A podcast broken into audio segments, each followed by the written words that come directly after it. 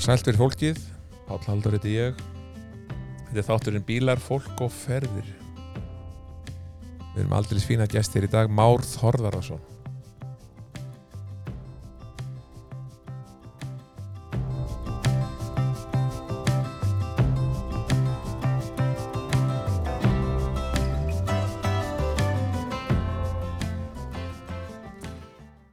Sæl Már, velkomin. Fyrir Þú fart hann heiður vera fyrsti vöruflutningabílstjórinn í þessum þáttum mínum. Æ, þakka þið fyrir Og við erum búin þekkist lengi, Já, búin vinir ansið lengi. Ég ánæg með að fá því hérna. Með skömmu fyrirvara. Þú keirir flutningabíl í gamla daga, milli hotnaferður Reykjavíkur mann ég Mhm, og hefur svona gert eitt og annað þetta, eftir það. Mér langaði að byrja kannski, hvar fyrstu bíladellina? Hvar byrjaði hún? Það er nú óskup einfalt að segja frá því því að pappi gamli, hann var nú bílstjóri, flutningabílstjóri Já, reynda að byrjaði nú sinn fyrir bara á vörubíl á hafn, sko, gamlum skróð eitthvað mm, eins og reynda ég byrjaði. Já, síðan fer hann út í eh, sem sagt fer að keira til Reykjavíkur svona með öðru eh, fyrir kaufélagið já, þannig byrjaði þetta nú og ég var, maður var alltaf tengdur þessu beint og óbeint. Ég fekk að fara svona hann að veifið með honum. Ferð og ferð. Já, Reykjavíkur, mann ég eftir. Akureyrar að vetri til. Mikið læfintýra ferð, ég var nú ekki mjög hári í loftinu sko, ég hef verið með minnir ég hafi verið 7-8 ára til þess að ég fóð með hann að þanga fyrst sko. Til Akureyrar. Já, farið það austu fyrir? Já. Og eins var það fyrsta ferri sem ég fótt í Reykjavík meðan þá fórum við norður fyrir. Já, þá er ekki konar brýnar. Nei, nei, nei, nei, nei. það var ekki konar breytna, sko. Kemur ekki fyrir þarna 73-4, Já. skeður á brúin. Tósaði mikrofóni aðeins nærðir, smá. Þarna, það nú heyri ég betur þér, örugla. Ok. Það var bylting að fá þess að brýri þetta, heyrði maður sögur af þessu köllum að vera þvælast til Reykjavíkur gegn Norðurland. Já, já þetta er alltaf sannlega lengsta flutningarlega á landinu Já, á þeim tíma, sko, já, myndi ég halda. Ég þetta var svo náttúrulega baksið og, og, og brasið á þessum köllum þegar ég voru að fara til dæmis yfir vetratíman, þá voru náttúrulega að fara yfir vötnin, stundum og ís og stundum ekki. Var það bara á vettnar eða? Já, Ekki á sumrin? Nei, það var, jú, jú, jú, jú, jú það var alltaf að fara á sömuri líka, það var alltaf bara miklu meira í ánum, sko, Já, en gaf hann að minnast á það, sko, það, ekkert ég maður sagði mér það, hérna, ekkert ég sagði pappi mér það, að, að sko, það hefur talið jafn mikilvægt að vera með dýnamitt í, ferð, í suðuströndinni, eins og verður með varadekk. já, þá ok. notuður það til að sko sprengja vakir að sagt, á ísin sko yfir skeiðar og súlu og þessar ár. Magna, bæði niður og, og upp heinum megin náttúrulega sko. Já, já já ég meina þetta, þetta var stórkostlegt að fá náttúrulega þetta átti svo sem fyrir löngu löngu síðan að vera búið að brúa þetta en þetta þótti nú mikið mikið ílagt að já, skilur við að, að hérna stóra brýr já. Var það skeiðir á sem kom síðust? já 74, Fjögur, já. 74 er hún og- við sko já, maður nú ekki alveg nákvæmlega upp á dag, dagsendinguna en Nei. ég var nú við þessa víkslu ég man nú eftir því var Þú er ungu maður? Já, já, já, já ég var bara 16 ára Já, þó það, og það aðeins eldri ég. Já, já, já. ég man eftir sko, ég ánægði með að hafa byrjað á pappasögunni. Mm. Þú sagði mér ekkert hans sögu þar sem þú og pappin voru ekki starf þvælast voru að fara undir ykkur brú. já. Þetta kveikja? það, það rennir mér náttúrulega aldrei úr minni sko. Það, það var það ég hérna Yfir brú og undir brú, þetta var svona brú sem var þetta er svona þess að djúpa brúin á, Djúpá, á, já. á, á síðu. Reynir verið svona til síðasta svona sko svona st- stór brúin á að kemur út á skeiðursand mhm, að sunnaverðu mhm, og þessi brú var yfirbyggð þar að segja þetta var stálgendabrú og, og hún var hún var uh, ég sést á þessum árum að það var náttúrulega svo þekki nú vel, það voru voru menn alltaf með topplös já, og, og þessir venjulegu flutningabílar inn að gæsalappa þeir, sko, það var bara miða við þú máttu vera með upp á, upp á nýja það er upp á já, já, upp, á, upp á Já, nýja svo reyndar var hún hækkuð. Þeir hækkuð hann á okkur tíðapunkti það var eftir að einhver straujaði hérna í gegn með beltavél og, og, og hérna bóman á vélinni tók niður megnið af og þá leggst hún saman já þá veit þetta er hluta börðarvirkjum Já, já. þessi, þessi toppgrind Já. þessi Já, yfirbygging já, en þessi sagt, þetta umtala já, hvað segir ferði eða, eða mál, þá, er, þá var það þannig að ég var með pappa og hann uh, ef að menn muna nú eftir bakka færiböndunum sem voru hérna í gamla daga Mhm. Þá var hann með yfir allan toppin og stóð fram af bílnum og, og aftur af. Það voru löng svona færibönd græn meiri síðan þetta var ekki drosalega hátt en hann var sagt hann átt að stoppa og, og stoppaði á kólsvelli og þar var raðaðan röðuðum við eh, hérna grælingu, trjá grælingum ofan í böndin sko. já, já, þetta nýtast plás já, en það voru tré í þessu líka dálítið stór og þau voru bara látið liggja. Mhm. gamli hafði nú eitthvað áhyggjur af því að sko ef hann kerði nú bara á ferðinni í gegn þá er nú kannski eitthvað lítið af greinum eftir að þessu. Já, þannig að honum fannst það alveg upplagt að senda mig upp á topp og meðan hann myndi læðast í gegn sko. Já, en það er eins og hann hafi glemt sinninum bara um leið og ég var farin út sko og upp á topp. Já, að ég segi bara fara já, þá setur gamli bara í gýrin og svo er bara kyrt fulla já, fyrst í gýr, allavega nógu hrætti þess að þetta var svona eins og grindalöp já, þú hljóf ég hljóp Já. með og styrta stökkva náttúrulega yfir alla bitana á leiðinni. Já, og ég var nú alveg að viðkynna það sko að, að ég var ofubóðslega hrættur, djöfull var ég hrættur en honum fannst nú ekki mikið um þetta sko, hann alltaf fattaði það þegar hálfur bílum var komin í gegn sko og það var eitthvað uppi. Já, og þá nælda hann niður. Já. Og þá var ég næri því að farið fram af sko. Já, konu á ferðina. Já já. Þetta er svona bara tilherði þessum já, þessu æfintýri sko. Já, annað svona var hann þess að blessaða brú það er sem að ég, eftir ég var nú farin að kera þá var ég á GMC og, og hann var nú maður með mér en hann var kom nú á sjúkráðu síðan í Reykjavík gæti nú ekki hjálpað mér í þessu ægintýri en það var þannig að, að Guðfélagið átti líka eh, vörubíl, hútbíl, Skanja sem hafði lent í tjóni. Og sá sér stjórnaði flutningunum hann eh, sko, það kom ekki annað til greina heldur en að uh, taka húti, það var í tregrind rísa tregrind og hann ringir í mig og segir bara, það bara þetta verða að koma. Ég sagðist bara bílið verið fullur þetta kæfist ekki inn. Já þá setur við upp á tóm það er ekki hægt þetta er sko 1.20 á hæð kassin Já. ég, það kemur mér ekki þú bara kefur mig hút þessi já, réttar þessu bara. Ég er alltaf tók kassan hugsaði þá með mér að ef að allt fer í villis og það bara hendi ég kassanum fram og hann bara verði það við brúna. Við brúna, já, þessa frægu já. En það fór nú þannig að kassi var nú kannski ekki þetta var ekki dóbúslega þungt skilur ég var með hann fremst á topnum og ég tók á það ráð. Ég dró kassan fram af bótiðinu, fram af, fram af flutningakassanum og fram á stýrishúsið á bílnum. Já. og þannig komst ég í gegn við brúna. en ég kom kassan ekki upp á þettur nei, það var bara þar. Það er svipu saga til að Guðina Þórða sinna á Akrahansi, hann fór vestur í Ísafjör einhvern tíðan já, og hafa með einhvern nuttpott á dofnum komst ekki í gegnum litlu, litla hamaskatið milli súðaðegur Ísafjörðar mm, hann slakaði á aftan á hurðatar en náður hann ekki upp aftur hann, hann var þar út á já, já. þetta er svona eitthvað sem já, menn voru berga sér. Já, já, ég fór bara hægt og rólega austur alla skeiðar og sand og inn í skaftafell, þar fekk ég hjálp til að koma hann síðan. Upp á. Upp á sko. Já Kaufélagið, alltaf mörg kaufélag á þessu tíma sem voru rekstri á bílum. Þetta, já. þegar ég er byrja að keira þá það er bara kaufélag út um all land í rekstri. Ég held að það hafi nú verið bara meira og minna öll kaufílu landsins sko, meiri að frá þeir stæstu og nýri þess mestu Já. sko, sem hafa voru í þessu. Og það er ég veit náttúrulega ekki ástæðuna kannski endilega fyrir því sjálfst hefur að vera þannig, menn vildi ekki borga ykkur um öðru fyrir Nei, þetta, nei, þú veist hvernig það er En, en vo, vo, sé, voru margir bíla þá í rekstri hjá, hjá Kask á stíma þegar þú ert að gera?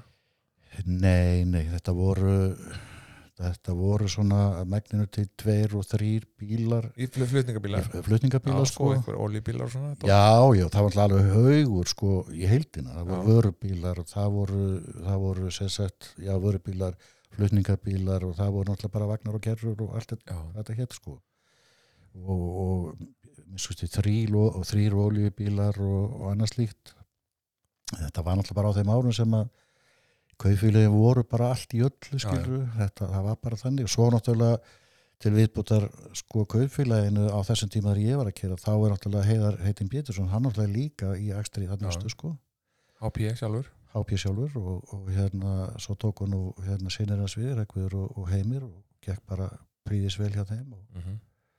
Þeir voru náttúrulega ég, held að hafi nú verið sko svona gegnusneitt nóg að gera hjá öllum þannig. Já, en þeir höfðu bara þeir höfðu náttúrulega fram með margar þeir voru með aksturinn fyrir herin á Stokksnes. Stokksnesi.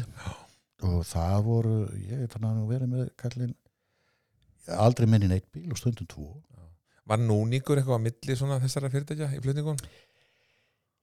Já, ég menna því er ekkert að leina það, þú veist, það er ekkert þetta já, já, það var svona smá nuttir í skilju Um, um fraktina svolítið já, svolítið svona, já, já. En sko til að byrja með þá var náttúrulega kaufélagi bara að flytja fyrir sjálft sig, skilju. Já, svo þegar árin liðu sko, þú veist, ég byrja að kera til Reykjavík 78 svo kannski ég, ég veit ekki hvað ég á að segja er svona 8, 10 2, 3, 4, 5 þá er eh, kaupfélagi farið að, að sagt ég flytja bara fyrir hvert sem er hvað sem er, já, Já. já. Komin inn á enga markaðin já, já, og, og kannski vantaði meiri nýtingabílar ég, ég bara mann við það nú ekki alveg en þetta var svolítið svona pínu hasar í þessu en ég veit nú meina það að það hafa nú aldrei verið neinn neinn skilur ítlindi eða, eða neitt slíkt Nei. Þetta er þessi leið má segja sko eins og frá bara vík og, og ég bara austur á fyrði þetta, þetta voru óbúslega fái bílar skilur þetta voru óbúslega fái bílar og mennum, mennum veitti ekkit af sérstaklega í vetratíma þeim félagskap og, og, og, og þú veist. Vinir á vegum. Já, vinnir á vegum sko. Þarna hjálpuðust menna hvort sem að vera skiptundekk eða, eða, eða þú veist í snjó eða keðja eða hvað það var Já.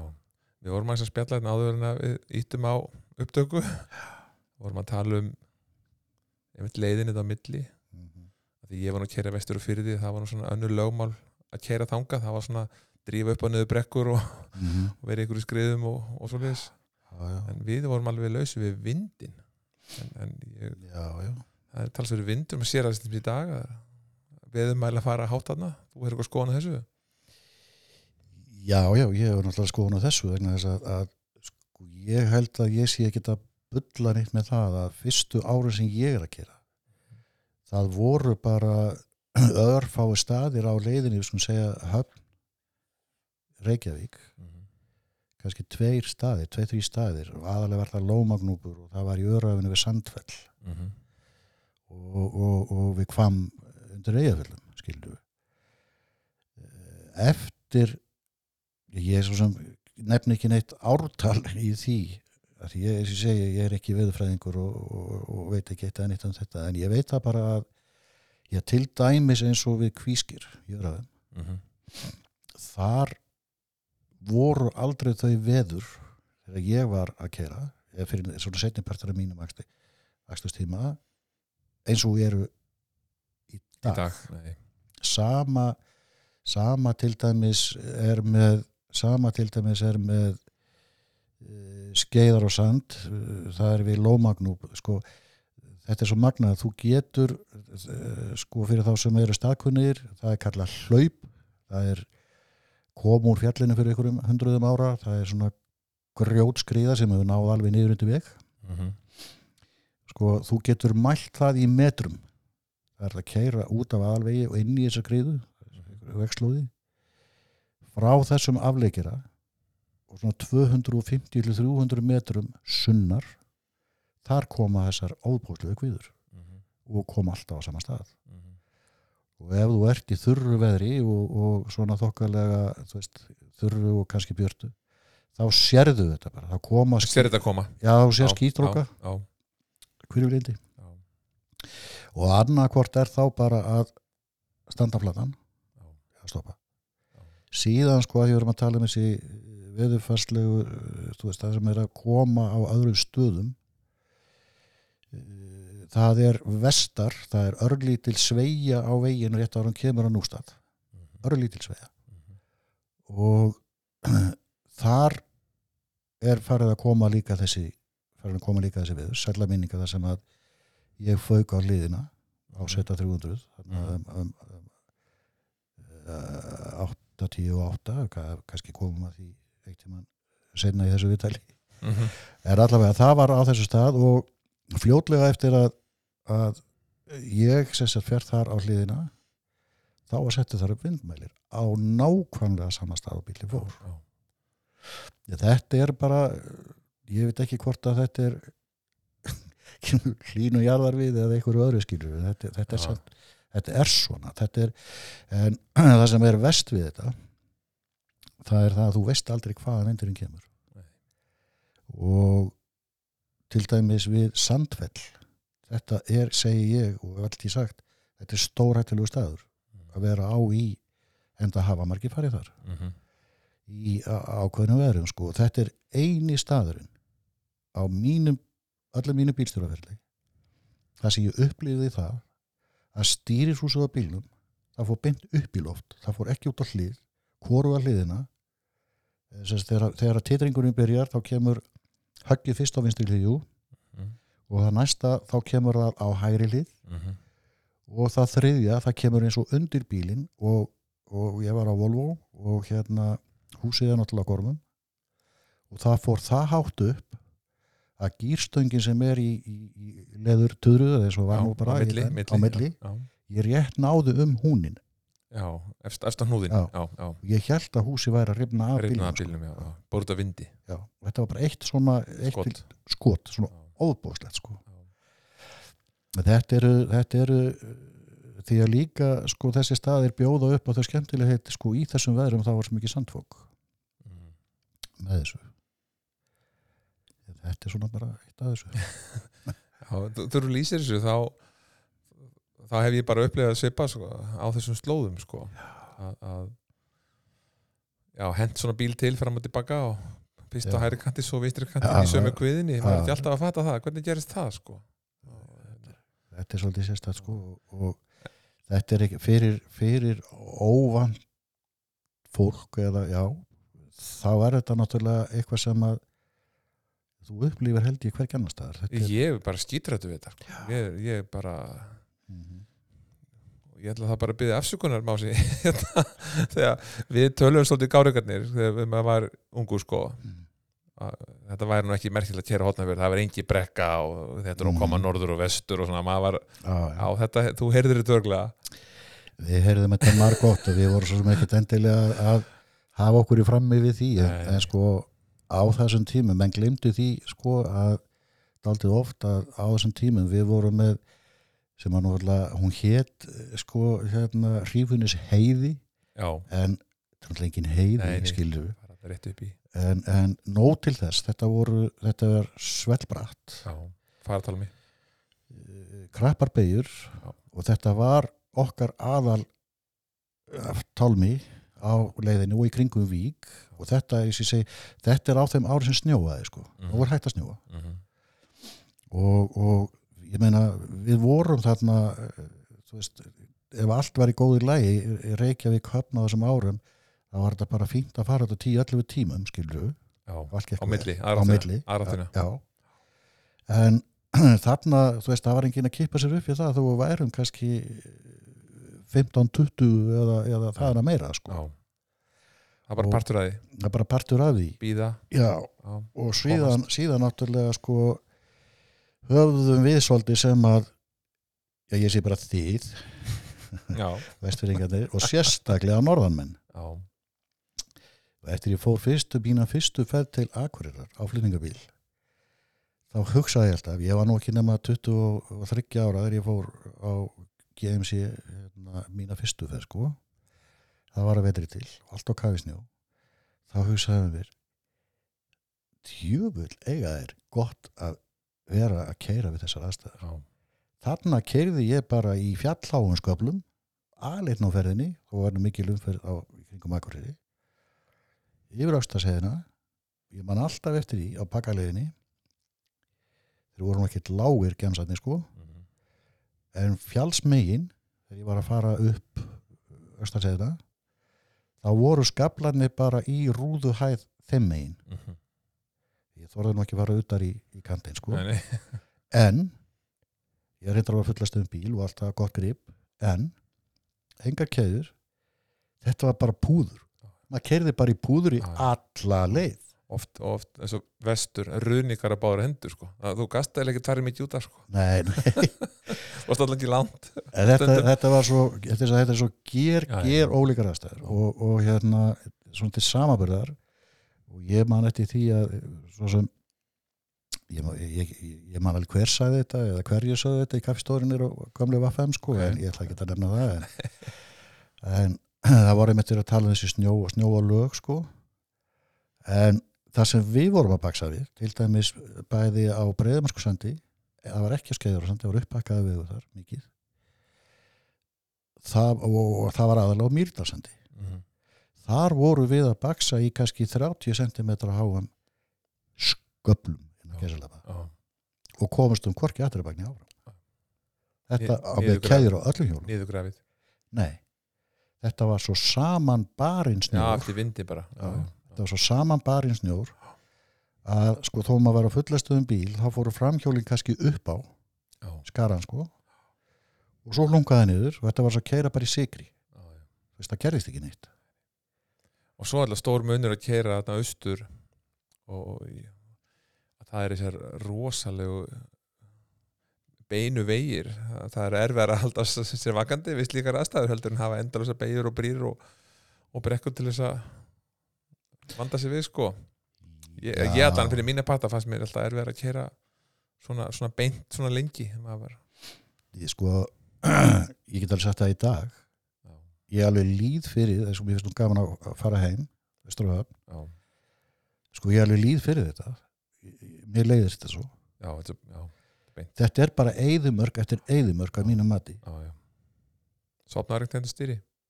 Dottaðuru nei, ég man nú ekki eftir því ekki, nei, eh, kannski dotta skilur, en Já. ég er þú veist, ég komst ekki nálat svafar á eigistöðum í því sko. Nei, nei, áttan til að sopna bara lungana já, leiðinni? Já, hann fekk sér alltaf lúr. Já, hér og þar. Það var alltaf, sko, ef við vorum í, vorum í samfloti, þá var það bara sko, hérna, þegjandi samkomulag. Hann var alltaf bara að hafa fremstur. Já, ef maður þurfti að sofna, já, fór sér lúr þá sá maður það á vakstuslægin og þá kannski já. blikkaði maður eða fór að flauta eða já, já. kallaði talstöðina tala hann ekki um ef að, ef að var með kerru eða vagn aftan í sem kom alltaf alveg fyrir sko. Mhm. þegar að sveiflan á vagninu var orðin það mikil það var orðin svona kanta á milli þá fór maður svona að, það þarf að ringja já þetta var ringja á vekjan sko. Já, það hjálpaði til að það var enginn á ferðinu aðri sko. Já já, þetta er nú svona Já. já, já, Manstu eftir að hafa í vindi kert á tvemi hjólum lengi svona, já, já, já, já, já, það ofta er eins og nóttan tvisa sko. Já, það var það var hérna, ég get nú sagt þér eh, sko frá einu dæmi og það er nú sko á sama bíl og, og, og ég fauk hérna um árið 8, 10 og 8 og það, sko ég er búin að fara eina heila ferðheldi tvær heilar ferðir höfnur Reykjavík þegar að ég var startur á höfn og, og þeir byggðaði mig um það hérna stjórnir að fara austur á, austur á hérna reyðafjör með frúsum fisk. Og ég hérna geri það og ekki að fín, fín veðurspá og bara mjög gott veður. En ég vissi það að veðurspá færi vestnandi ég vissi það alveg sko og það vildi bara svo vel til að þegar ég er búin að, að, að losa mig við þetta þá hitti ég hann Óskar Gunnars á, á hérna, fáskursviði og af því að veðrið var nú svona útlýtt fyrir slemtu er og þá spurði hann æði hvort hann vissum eitthvað, eitthvað frakt. Og það vildi nú þannig til að það var nú ný brunnið þarna, stór brunnið og okkur saltfiskverkun. Tryggingafélagi vildi fá alla fiski til Reykjavíkur, saltfiskin og, og Óskar sagði við mig að ég mætti taka eins mikið og kæmist inn í bílinn. Já. og Reyktur saltuskur og þetta var saltfiskur já, sko, ábyggilega mjög góður. En allavega þá var eh, sem sagt, ég var alltaf að segja frá því, þetta er svo mörg á síðan skiptir ekki máli hérna, en þetta voru ég sett inn í bílinn 16,5 tonn Já, sem máttu kannski bera 10-12 já, mátti bera 11 og hálft. Já, og þannig að ballisti var nú fín sko. já, já, já, svo hérna trilla ég nú bara söður úr og það eftir því ég kem inn í Hamarsfjörði þá bara er orðið spæni vill stöður þannig að ég gerði mér alveg grein fyrir því að bæði fyrir kvalnesið og eins á stað sem er í lóninu rétt austan við höfn það er kallast Horgestaða klíf rétt við bæðið Horgestaði þar geta orðið alveg óbóslega kviður alveg rosalega sko. Og ég man það bara þegar ég kem fyrir hotni á kvalnesinu þá fæ ég kviðu. Þá þá fóru hérna brotnaði speillin hægra megin, hann skall utan í bílnum og hann brotnaði. Og rúðu þurrkurnar fóru báðar af. Mhm. en það var ekkert meira þarna sko.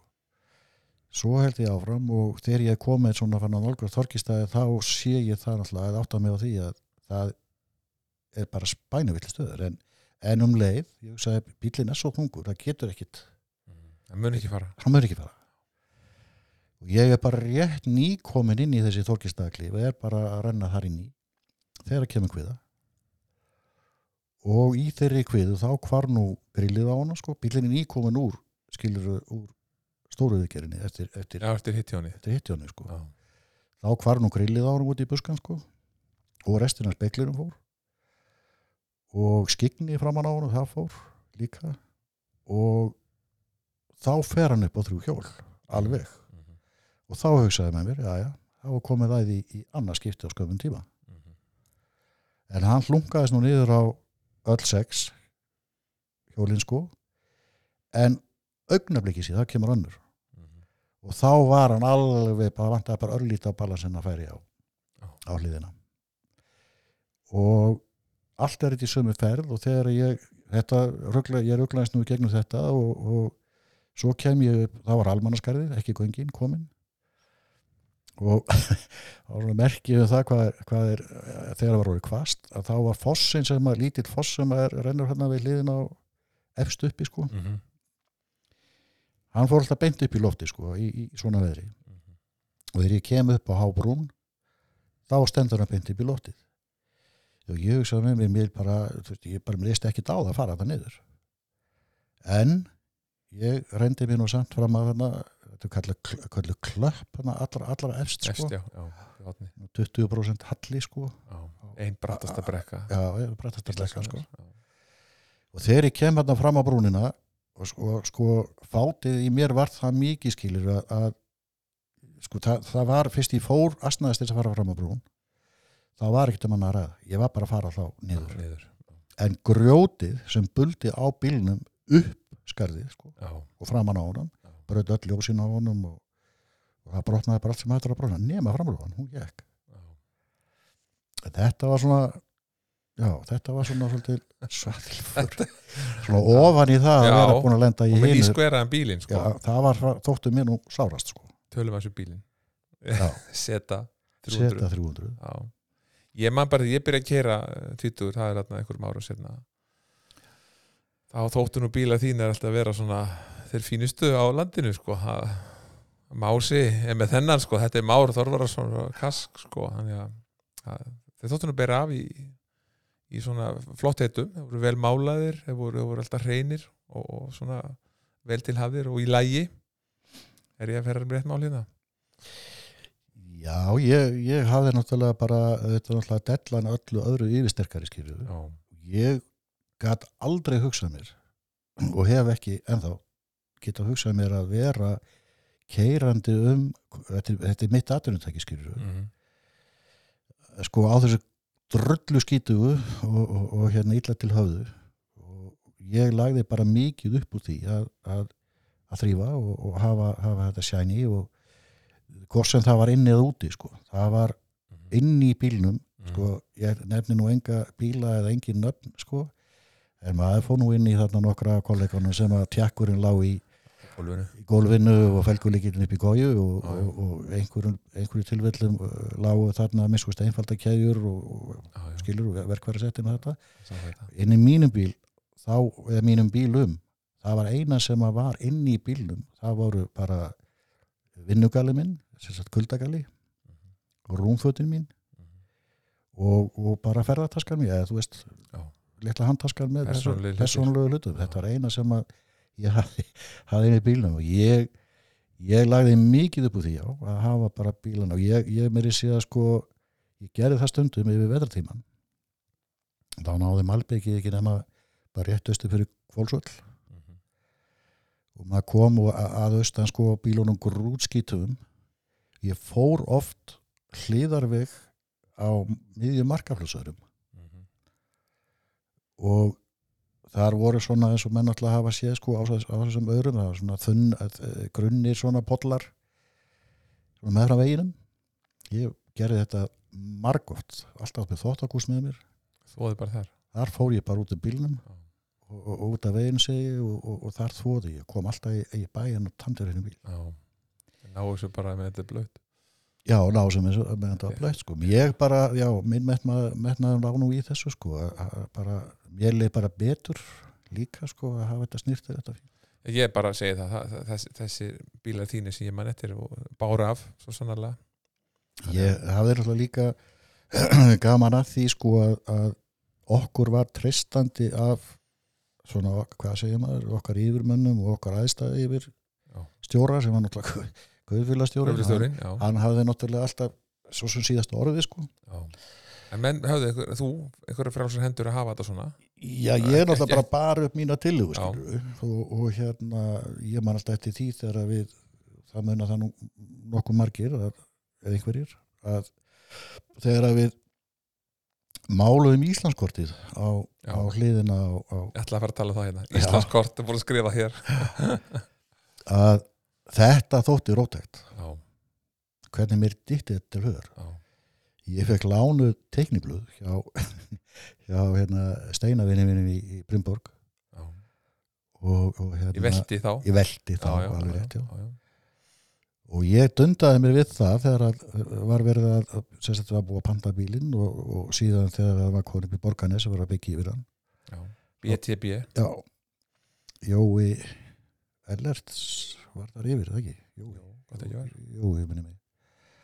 Sko þá dundaði ég mér við það að, að, að hérna, ég teiknaði upp fullt af komið fullt af hugmyndum. Mhm, þetta var eina af þeim, þetta kort.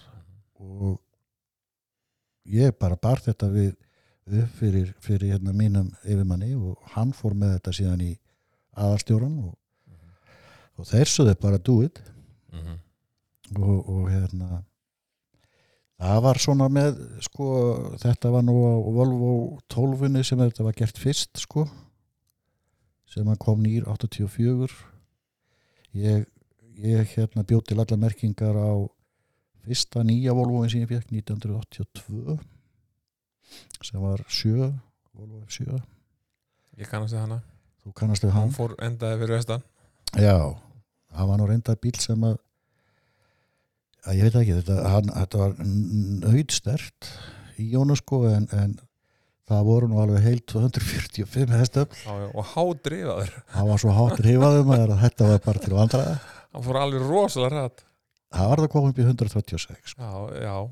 Eh, Ok. þessi bíl var sér pantaður það var heiðarheitin Pétursson pantaðara bíl hann Já, okay. ok. pantaði tvo bíla Já. sem hann ætlaði sér í verkefni fyrir herinn Já. En svo klikkaði eitthvað ef ég man rétt sko, klikkaði eitthvað hjá hernum þannig að hann hafði ekki verkefni nema fyrir annar bíl Já. þannig að kaufélagi tekur hinn. Manstu þetta overdrive hérna, já, glangsið í mælaborðin Já, í sláði svona fram hendist hann alveg ólega já. en í restina.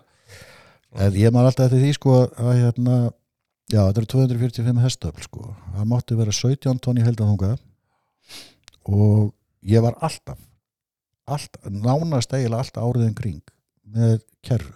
Já, þetta var mælakerra og hún var mátti vera 10 tónu þangað og hún, það mátti setja nánast jafn mikið inn í hana já, eins í og, tónutalið eins og bíli eins og bílinn.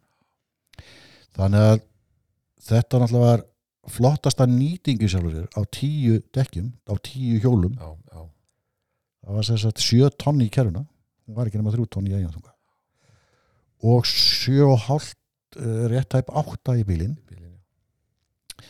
Þá var þetta nú orðin á tíu hjólinn tæp 15 tonn sem var þótti heldur gott. En ofbúslega var hann það reitt ykkur eið í með þetta sko en ég baksaðist nú með þetta öll þessi ár sko.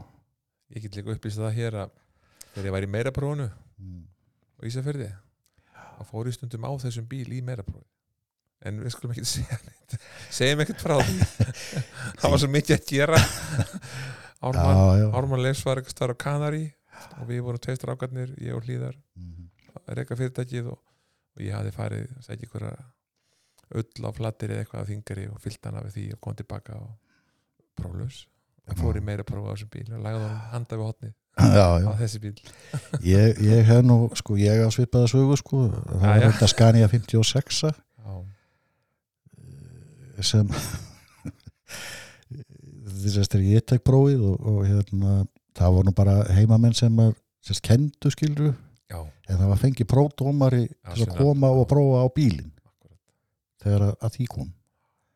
Og ég var alltaf eftir því sko að þetta var bara gert þannig í sveitinni að, að þetta var 56 Scania sem var náttúrulega með burðu upp á ef ég man rétt upp á sennilega 7-8 tonn sko. Þetta var bara vörubíl, mm. pallbíl en ég var aðalega að keira sko, ég er þarna bara 19 ára sko. Uh, en það var bara eitt pennastryka síslimanni og þetta var ekki flókið sko. Það vantaði bílstjórana bíl og hann var ekki til.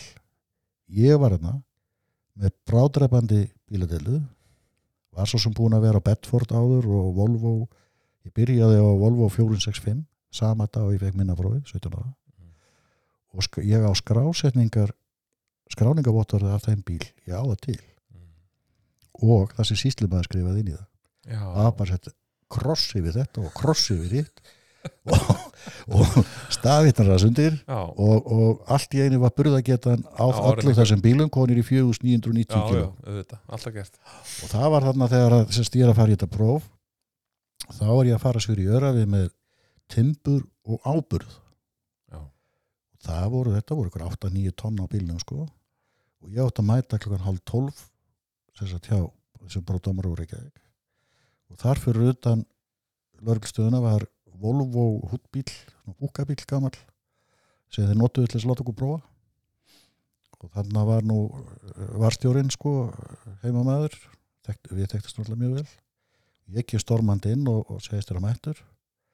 Hann finnst þess að hlæja og, og, og hérna segir við þennan og ekki, ekki herði endilega að prófa þennan að- að að- drífi því. En sjáðu endilega á hvernig bílan kominga já, hann, hann hafði viss að því sko. já, vissi að þessu. Svo kemur, lappa ég með bródómarinn út á, út á stjett og, og hérna ég laði hann bara við hliðina á svona Volvo. Já, og þá segir hann byttu við hérna, herri vinnur komst þú á þessum hérna bíl til þess að læra á þannig hérna bíl og, og já segi ég og svo var náttúrulega lauruglega stjórið skellilhægandi fyrir aftan. Já, og þá sagði pródómarinn herri vinnur við sko bara láta þetta gott heita. Já, Eh, bara eigðu góða ferð. Hann skildi ekkert í þessu. Botnaði ekkert í þessu. Svona er þetta í sveitinni? Svona var þetta í sveitinni sko. Ég hefði púntað þetta hjá mér sofa í bílnum. Þú er vantilega sofið oft í bíl ég verð nú alveg reynda að viðkynna það að, að hérna það þótti mér gott, er þetta gott? Já. Já. og voruð Ég- með herbyggi bænu líka eða, eða? Ég var, já, já, við vorum nú með það sko. Ég var nú aðalega svona í þessu herbyggi svo reyndar þeirra árin liðin og þá fór ég nú bara að búa hérna í Reykjavík og þannig að ég náttúrulega bara var í mínu verelsi þar. Já. en við, já, já, já, já við sváum mjög ótt í bílunum og, og, og hérna við vorum nú og þetta var náttúrulega á þeim árum sem að sko hafa ekki konið oljufýring Mhm. og hérna eins og mannst nú og hérna, maður lýsum alveg hafa það sko það var ekkit vandamál og ég var svo sko vel búandi skilur. ég átti nefnilega alvöru hérna dúnsang og alvöru ölladeppi ég var aldrei kalt, aldrei nokkuð tíma. Ég, ég, það svona jaðraðin samt við eitt skipti mann ég eftir þá vorum við á leiðin Östu og Rúnar Gunnarsson, Norrfyrði og Viggo. Þetta var um háetur og það hefði sannlega aldrei verið kaldara sko heldur en akkurat þessa daga sem við vorum að rögla þarna. Við erum á já, við erum, að leiðin Östurvotni mjög fórum mjög seint að stað og Reykjavík ekki 7-8 kvöldið og vorum orðnir ansi niður út í voru konur östu fyrir djúpa áður að leggjum í, í, á skeiðarsendi það var klokkan 2.30 nóttina eitthvað svo liðs þá var 26 stegar frost. Og sko ég var á GMC þá. GMC mótorinn sko hann þóldi ekki hægagang hann smög, vélinn, mótorinn smurði ekki. Þannig að það var ekkit í bóði að, að la, láta hann ganga sko. Ganga, nei. Eftir að móti var rúnar þá á, á sem kallaði kallaði var þá í Galata Þotan. Og 89 89 hérna Volvo 89, sexjólabíl sem hann lit flytti inn fyrir sig. Ægileg þóta sko, segli segli voru ekki kassi og hérna ég man það alltaf um morgunni þegar við skreitist nú fram úr sko, mér leið rosalega vel en það er eitthvað tíman um morgunin hafði rúna sett í gang sko. Volvo þóldi það alveg að ganga Já. að gangi sko. En Gemsin hann, hann, hann þóldi það nú ekki. Það er líka munur fyrir menn hvort þú sefur í bíl sem að þú ert með svona snirtilegan á alla kanta heldur þú hendir í kói sem er full af olíbrúsum og, keðjum og, og smörgólum sko. Ég, já, já, ég hérna eins og ég svaf alltaf, alltaf rosalega vel, vel í þessum bílum og, og hérna bara og ég tala hann um sko til dæmis yfir yfir hérna sumartíma það við vorum alltaf bundnir af sko losin í skaftafilli og við, ef við vorum ef við vorum eftir klukkan 10-11 á kvöldin þá vorum við ekki vinsalistu mennitur á svæðinu. Já þar. Þar. Já. þannig að þó maður ekki komið þanga kannski, þó maður verið komið þanga kannski klukkan 12 eða 1 skilur við já, þá sem bara býða þá var ég bara að býða og þá bara lagði maður bara hann út á vegi og, og bara sofa. Það var frábært sko já, ég er sama hér, ég sef hvergi betur inn í svona fluttingabíl sko. Þetta er bara alveg frábært sko ég sá hverki betur, ekki nokkuð staðar. Mannst þetta er eitthvað svona skrítnasta farminum sem við verið að flytja? Já, já, já, já, ok, já, já, það er tekur það tekur það engi frá mér sko. Já. ég var á sko, það var, þá var ég þá var ég á GMC sko GMC Astro 95 hétur já. þessi bíl sem að þetta þessi, Var þetta gemsi sem var færð þetta hásvíkin eitthvað til líka? Þetta, er ekki þessi Nei, sko, kaufélag tók aldrei þátt í því. Það voru einstaklingar sem að að Ingimar Eigistuðum hann gerði þetta með bíl Já. sem hann átti. Já færði hásvíkuna aftur. Já, færði hann aftur setti Scania fjæðri undir hann. Og ég held og ég maður rétt að Jónas vinnu minn heitinn frá Svínafylli í Nesjum, hann átti svona bíl. Já. ég held að hann hafa gert það líka ég maður rétt. En allavega þessi bíl þetta er eini bílinn sko sinna tegundar á Íslandi. Hann var sem sagt, þegar sambandi var á hétt það var einn mikill sölumæður sem að þú vandalega veist nú hver er. Ættar frá blíkastöðum hérna í já. Það þekki allir hann. það þekki allir hann. En, En, það er en, sagan en að. Já en að. Eh, sko sagan sagði að, að sko þeir hefðu fundið þessa bíl út í bandaríkjunum þessa GMC bíla. Og það hefði þótt bara áleitlegu kostur og ég held að það hefði keiftir ykkur í 20 og ef ég maður rétt, ég veit ekki það skiptir ekki máli, hvort það voru 23 eða 27 já, einhver starf á því bíli allavega, allavega á litin, rauðir, gulur og grænir og allavega sko. En málið var það að kaufélagin á landinu þau voru skikkur til að taka já bara kvoti, þú tekur tvo, þú já, tekur einn. já, nákvæmlega. Já, já, og hérna að pappi te- fær eitt svona bíl nýjan. Já, hann verður fyrir því óheppi að hann var ekki búin að vera að keira þann bíl nema bara innan við ár. Þá hérna kveldspringur undir framhjól hérna við Rauðavatn. Og hann, hann var fullur af, af hérna osti. Með 12 eða 14 tón af osti á bílum og bílinn veldur, hann fer alveg á kvolf sko, já, á toppin og ástæðan fyrir því er, er, er í raun og veru svo að á þessum bíl var klarkassi, amerísku klarkassi físlétt og bældi því á þessum árum þá máttu bílarnir vera 23 tón í heldanþunga þessi gemsa sem voru með þessum klarkassum þeir máttu bera uh, rúm 15 tónn fyrstlétt það var físlétt sko, það var ekki neitt neitt. ég man svo nokkur svona kosum en það sem gerir það að verkum að bílinn fyrir alveg á toppin er það náttúrulega að þetta er ekki neitt þetta er bara pappi, Held- þegar hann- já, heldur ekkit við þannig að hann enda bara á toppnum. Bara- og bílinn náttúrulega var dæmdur ónýtur þarna fyrst til að byrja með. En svo reynda var hann gerður upp og ég var nú síðan dræfir á honum. Mhm. þeim bíl en allavega ég pappi hætti nú að keira sko hann fær annan gemsa sem er þessi eini sinna tegundar á Íslandi. Já, hann hér nú reynda 95 líka en hann var mestari vél. Hann var með sem sagt turbínumótor það voru vaff átta sko Detroit vélar í þessum bílum. Mhm. þannig að það var tölverið starf mótor í honum og stýrishúsið honum var miklu stærra. Það var hjónarum í honum. Já það verið stærra já, já, það var eini bílinn eins og ég segi sem að var svona sko. Já. og þetta er þetta er sko ég er á þessum bíl í eitt og hálft eða tvö ár áður en ég fer yfir á sjöðuna Volvo. Volvo, Volvo, sjöðuna þarna 82 sko. Og ertu með skrýtnasta farminn á þessum bíl? Ég er með skrýtnasta farminn á þessum bíl. Og það voru hestar. Það voru, eh, altså, það voru búslóð og hestar. Búslóð og hestar í, Já. í sama. Já. já, þetta var að miðjan vetur. Og, og hérna svona í framhjálpi, ég man alltaf eftir því að þegar við komum hérna á öðrum uh, senda kvöldi og öðrum degi til Reykjavíkur.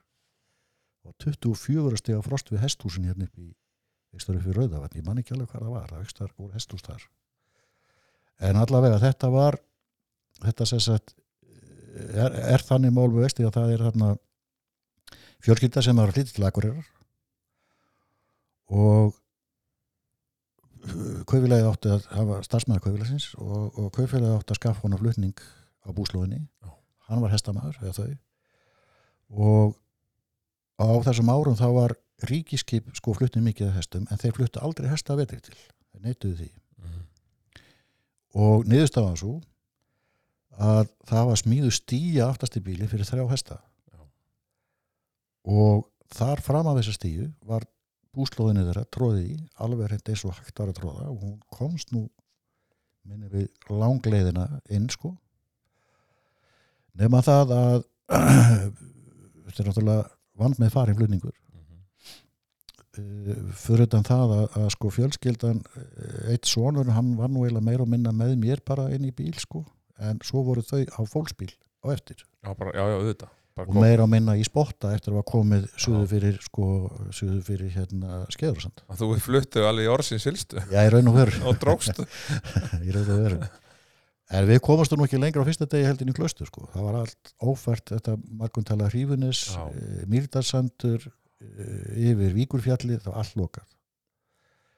Og við komumstum ekki að stað frá klöstri fyrir einn sko tvö daginn eftir. Þá var búið opni í gegn þannig að við komumstum nú til Reykjavíkur.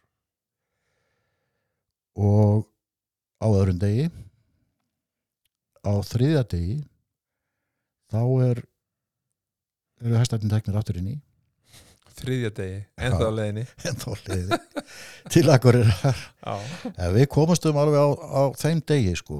Þú ert að fóðra á leiðinni og allt já, já, já, hann hugsaði nú vel sko. við stoppuðum mjög oft til þess að opna og, og loftum það greiðin og það var- mér finnst þetta ótrúlegt.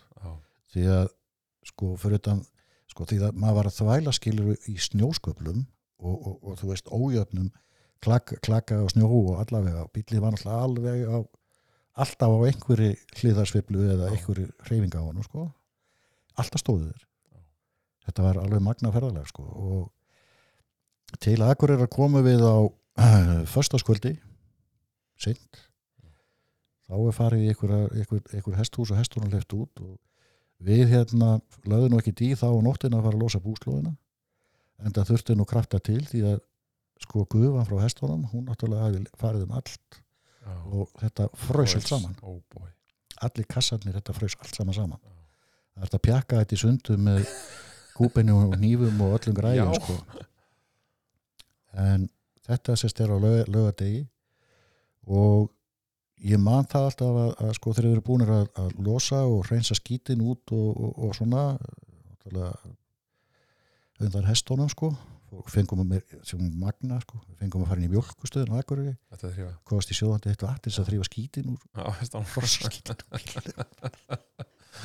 Þetta var alveg magna sko. En svo þetta var alltaf á þeim ári líka sem að sko þú veist allar þessar verksmiður voru á Akureyri þú veist með Já. kaffi Sjöfn og og- sjöfn og smjörlíki og hvað þetta hérna þannig að ég var sem sagt ég fekk klass á bílum tilbaka Já, bara þar. Bara það sko Maður fekk alltaf hlasið tilbaka maður fór til Akureyri já, já, það var ekki Á nóg hlössu það var nógulega þar maður. Það var ekki vandamáli sko. Allar átti sko. Nema það að það voru það var orðið alveg spænu villist veðurinn og Akureyri og mjög slæm spá. Já, virkilega slæm. Og hann sagði mitt við mig þannig að þessi maður, heyrðu, þú fer ekki neitt við pöntum bara herbyggjandar hóteli og, og þú bara býður að þetta við og ég sagði nei. Það er nefnilega þetta var á þeim árum skilur sem að það beði mín hérna í Reykjavík svona samband sem að mér langaði að, sko sin, sinna og, og hérna hann alveg harður. Þú ferð ekki þú, og, og, og það sá ekki úr augum sko. Mhm. og ég sagði hann það bara eins og þetta var þá lengi vel skilur að maður fór þangar sem maður komst.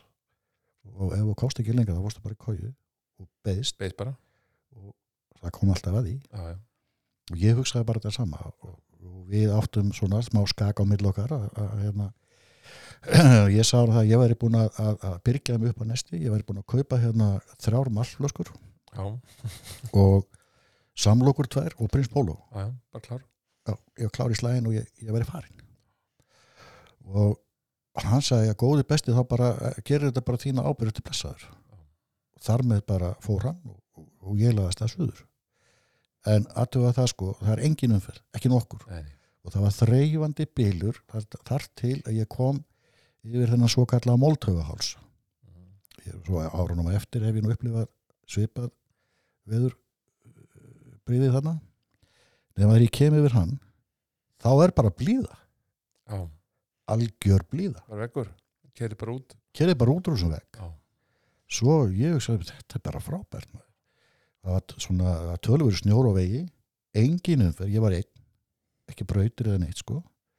Ég bara kerði bara fulla mótor og, og, og, og þá komu aftur að ég sé var að segja við áðan sko að þetta er í sama skipti og, og þegar ég er að fara upp Öxnóðars heiðina og, og, og alltaf þessu púðri sem ég fannst alveg svo magna sko. Því að svo þegar ég er komin yfir heiðina og, og, og er að ég man nú ekki alveg hvað það heitir, það var kert í gegnum svona klíf og ég eiginlega vingilbegi og það er að brunni jú. Kemur niður baksæli sko. Já, já, og, og milli kletta og Já. það er bara brúum og svo aftur, Aftur vinstri beigja og, og svo niður úr. Og þegar ég er að koma í gegnum þessu klíf og horfi nú niður dali þá sé ég að það er 7-8 hlutningabíla þar, bort í kanti. Já. og þetta var sem ég hefði merkilegt. Já. akkur þeir eru ekki komið? Skildi ekki þessu. Ég kjá nú þarna að og, og, þá var nú fyrsti maður hérna, hann- hann hérna Hjörtur heitinn já, stjórið hjá Káþórn á, á hérna Húsavík. Og svo voru þarna átni heitinn Kópaskeri. Kea-bílstjórar einhverjir nokkrir, tveir eða þrýður og allir höfðu þeir verið í, í sko, hvort þeir voru í staðaskóla eða blöndósi, sem stundum nóttina því þeir höfðu fengið þeir fregnir að þetta væri kólófart og engum, engum fært að, að, að, að móka sko Kom þá flatlendingurinn? Þá kemur flatlendingurinn.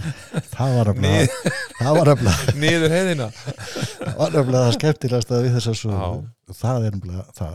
Þá kemur 23 ára gammal flatlendingur Já, sem aldrei að þeirra mætti hafði sé snjóaður. Östlandið hann yfir. Já. Í stuði, bara í gýrt já, já, bara Já. í gýrnum sko. Ég stoppaði þeim og sagði þeir getur bara að drífa sig bara hérna, bara púður þeir var allir keðar í bak og fyrir sko. Ég sagði bara að drífa þetta undan og fulla ferð. Þegar ég stoppaði hvergi nokkuð staðar og, og, og hérna frá því, ég nema þarna frá því ég læði að stað frá Akureyri og hættir í kjöptur ekki aukur og pældi í því, ég var 6 og halvan klukkutíma.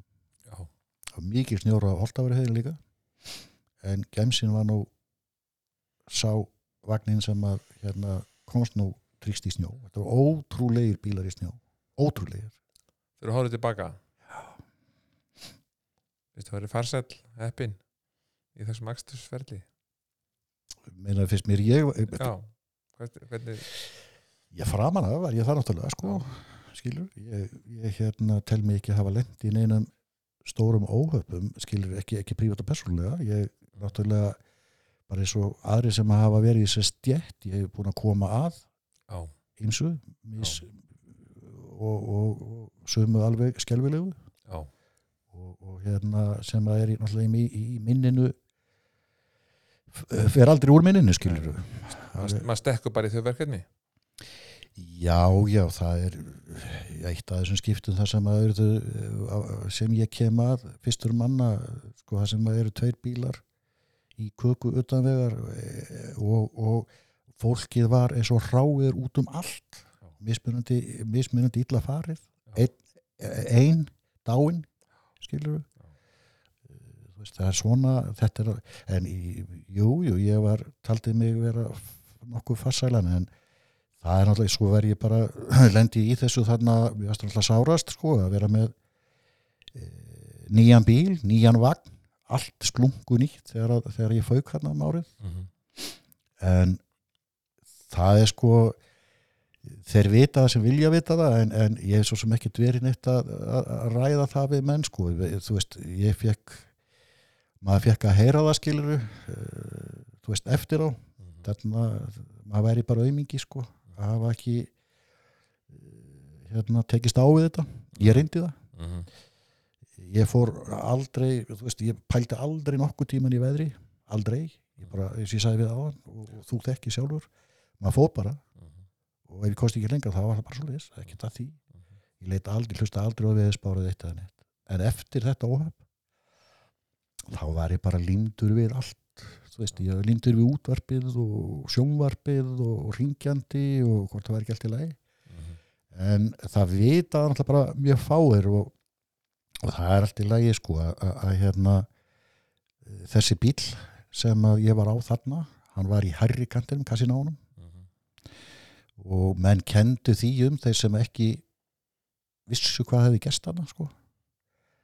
En það vildi nú bara þannig til eða eh, fyrir þá sem vilja vita enn og aftur að þessi bíl var 8 cm herri heldur en til dæmi sexjólabílinn sem að svára eigistuðu var með. Já, svona sem dæmi já. en það sem að veldir bílnum þarna er náttúrulega rock Mhm. ég var með eitthvað 7-8 tonn eða meira inn á bílnum af vöru. Bílinn það var ekki bílinn sem fauk sko. Vagnin var tómur. Það er hann sem fer. Bjarni Þorstens hérna fyrir þetta kollegi, hann satt nú bara steinsofandi í farþegarsætinu sko, hvað hafði komið með mér suður hérna þetta var. Og ég svona var, ég var bara 80-90 skilur sól og blíða. Og átti ekki von á einu en einu en, en, en hérna það er við þess að beigju þarna sem ég lísti fyrir þér áðan sem að það byrja bara alltaf að titra Mhm. og, og, og, og hérna ég segi bara strax við Bjarna ja, nú förum við Mhm. í þeim töluð orðum, lítið í speilin vinstra megin þá er vagnin bara komin í háaloft Já. og hann kemur ekkit við jörðina fyrir bara í ell aftan við bílinn sko, skilur. já. og þegar hann skellur niður þá tekur hann bara bílinn með sér. Hliðartói var svo rosalegt náttúrulega í rókinu líka. Þannig að þá fer allt rastlið á hliðina. En þið slösust ekkert? ekki þannig sko, Þannig, nei. Bjarni slapp nú alveg þó hann, nú, hann var ekki í öryggisbelti. Ég var það ekki heldur því miður. Ok. hann reyndar kallinn var nú eins og skítaslitti í hotninu hvað segir maður, bílstjóra megin aftur í kóju, þar inn í þakka að komið þangað. Sko. En málið er það að, að, að sko þetta er svo mikið rugl Palli, að, að móti ekki beltin skiluru já, það var í raun og veru bara Guð eitt sem að bjargaði því að ég lendi ekki undir bílum, ég fór út um rúðuna. Já. e, e, þannig sé skiluru að bíl, þetta var malbyggað. Já, bílinn skellur í raun og veru á hliðina á malbygginu. Bílstjóra megin? Og hann rennur á hliðinni alveg meirinn bílinn sína. Já. og ég fer út í klukkan sko, klukkin náttúrulega maskast og ég fer út í klukkan og renn með vinstri hliðina á mér. Skruppast þetta malbygginu já, eftir malbygginu sko. Það vantaði alveg hliðina í buksusnar og, og, og hérna ripnaði hér á, hendinni og, og fóton, eða hérna á vinstri fætinum. En það var ekkert, ekkert merkilegt sko. Það var eina sem að við gerum, við gerum afdreifa rík mistök sérstu við Bjarni það var svo brjála veður hana að það þorði enginn að koma til okkar. Við vorum lokaðar inn í bílum í 2,5 klukkutíma. Og Björgunarsveitin á klaustri þeir hafðu hringt nústæðabændur hafðu séð þetta þorði ekki að koma. Og Björgunarsveitin á, á hérna, á klaustri þeir hafðu komið sko en byðu átækta, þeir listi ekki á þetta. En við vorum búin að hýrast inn í bílun náttúrulega þennan tíma og þá tökum við þessa rugglinslegu ákvörðun vegna þess að framrúðan í bílunum hún hjekk í honum. Mhm, við spörkuðum henn úr. Mhm, sem var alveg agaleg mistök að gera. Mhm. því að um kvöldir, nóttina þú veist, þetta er á þín tímaskilir sem að þú ert ekki að fara neitt heim, þú voru velt bílum þú bara kemur honum á Já, já, hjólum afturvinnu hvað- og, það er að koma og, krannarbíl já, já, já, já, kemur bara að grafa og, hefði allar græðir og, þegar það dúraði þá bara réttuði bílinn við og þú ert ekki að fara neitt heim. Þú bara heldur áfrangalli minn. En þá er framrúðan farin alltaf bílum Já. þetta er miðjan vetur. Og við förum þess að þá um nóttina keiri við rúðulegsan bílinn á klaustur með vagnin eiginlega hálf þversumattari, það var allt brotið og bramlað sko. En það er svo svakalegasta í raun og veru ferð sem að, sem að maður, ég hef bara upplifað. Það er að keira frá klaustur til Reykjavíkur framlúður þessi bíl. Við vorum dúðaðir alveg á korsin og dómsangi vel því að, því að hérna maður dúðaðir í hana sko og, og, og það var alltaf ekki þetta dúða yfir andliti skilur mig. Nei, við, við sem sagt drösluðust þetta nú en kuldin var það mikill en ég komst ekki að því fyrir mörgum ára setna að ég kól í andlitinu.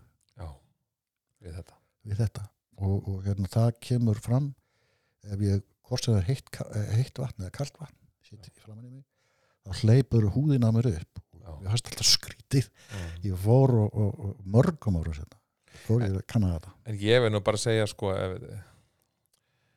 eitt slís á þessum ferðliðum ára en nú ekki mikið sko og sleppa frá því. Nei, nei þetta var það kannski hefur einhver tíman á ferlinu verið kannski muna veit Já, já, það er bara, ég veit það ekki það er eitt skrens skrens Það er- þetta er nú eins og þetta er eins og þarna í, í einn í ferðinni sko, keira í krapa ég, ég bara trúði ekki því sem var að gerast. Bílinn alltaf bara flötu upp, ég var bara allt á mikill ferð aflíðandi beigi Já. og, og ég bara trúði þessi ekki sko. en þaut út af. Alltaf á hjólunum. Og gýraði niður og þetta var fínt. Það var eins og einn aðeins út af? Já, aðeins út af. Já, eins og, eins og einn austamæðurinn sagði, það er gott að kýra út af hér. Já, eiga eiga í minninu, fínt Já, að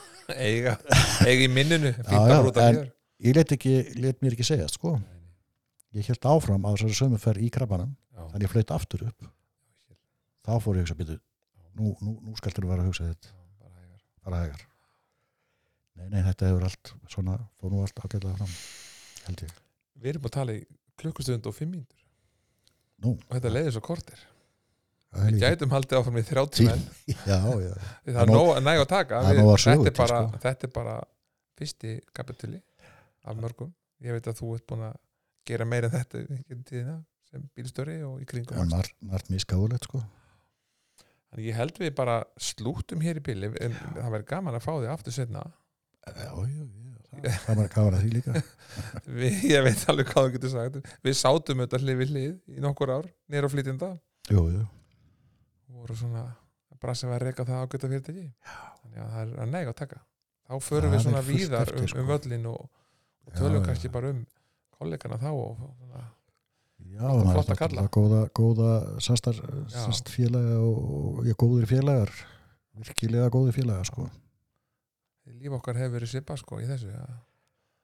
bílar og Já, þetta er svona þetta er manns líf þetta er okkar líf það er fátt gert fátt gert annað í gegnum árin. En má sér, hérna, takk fyrir að koma kærlega.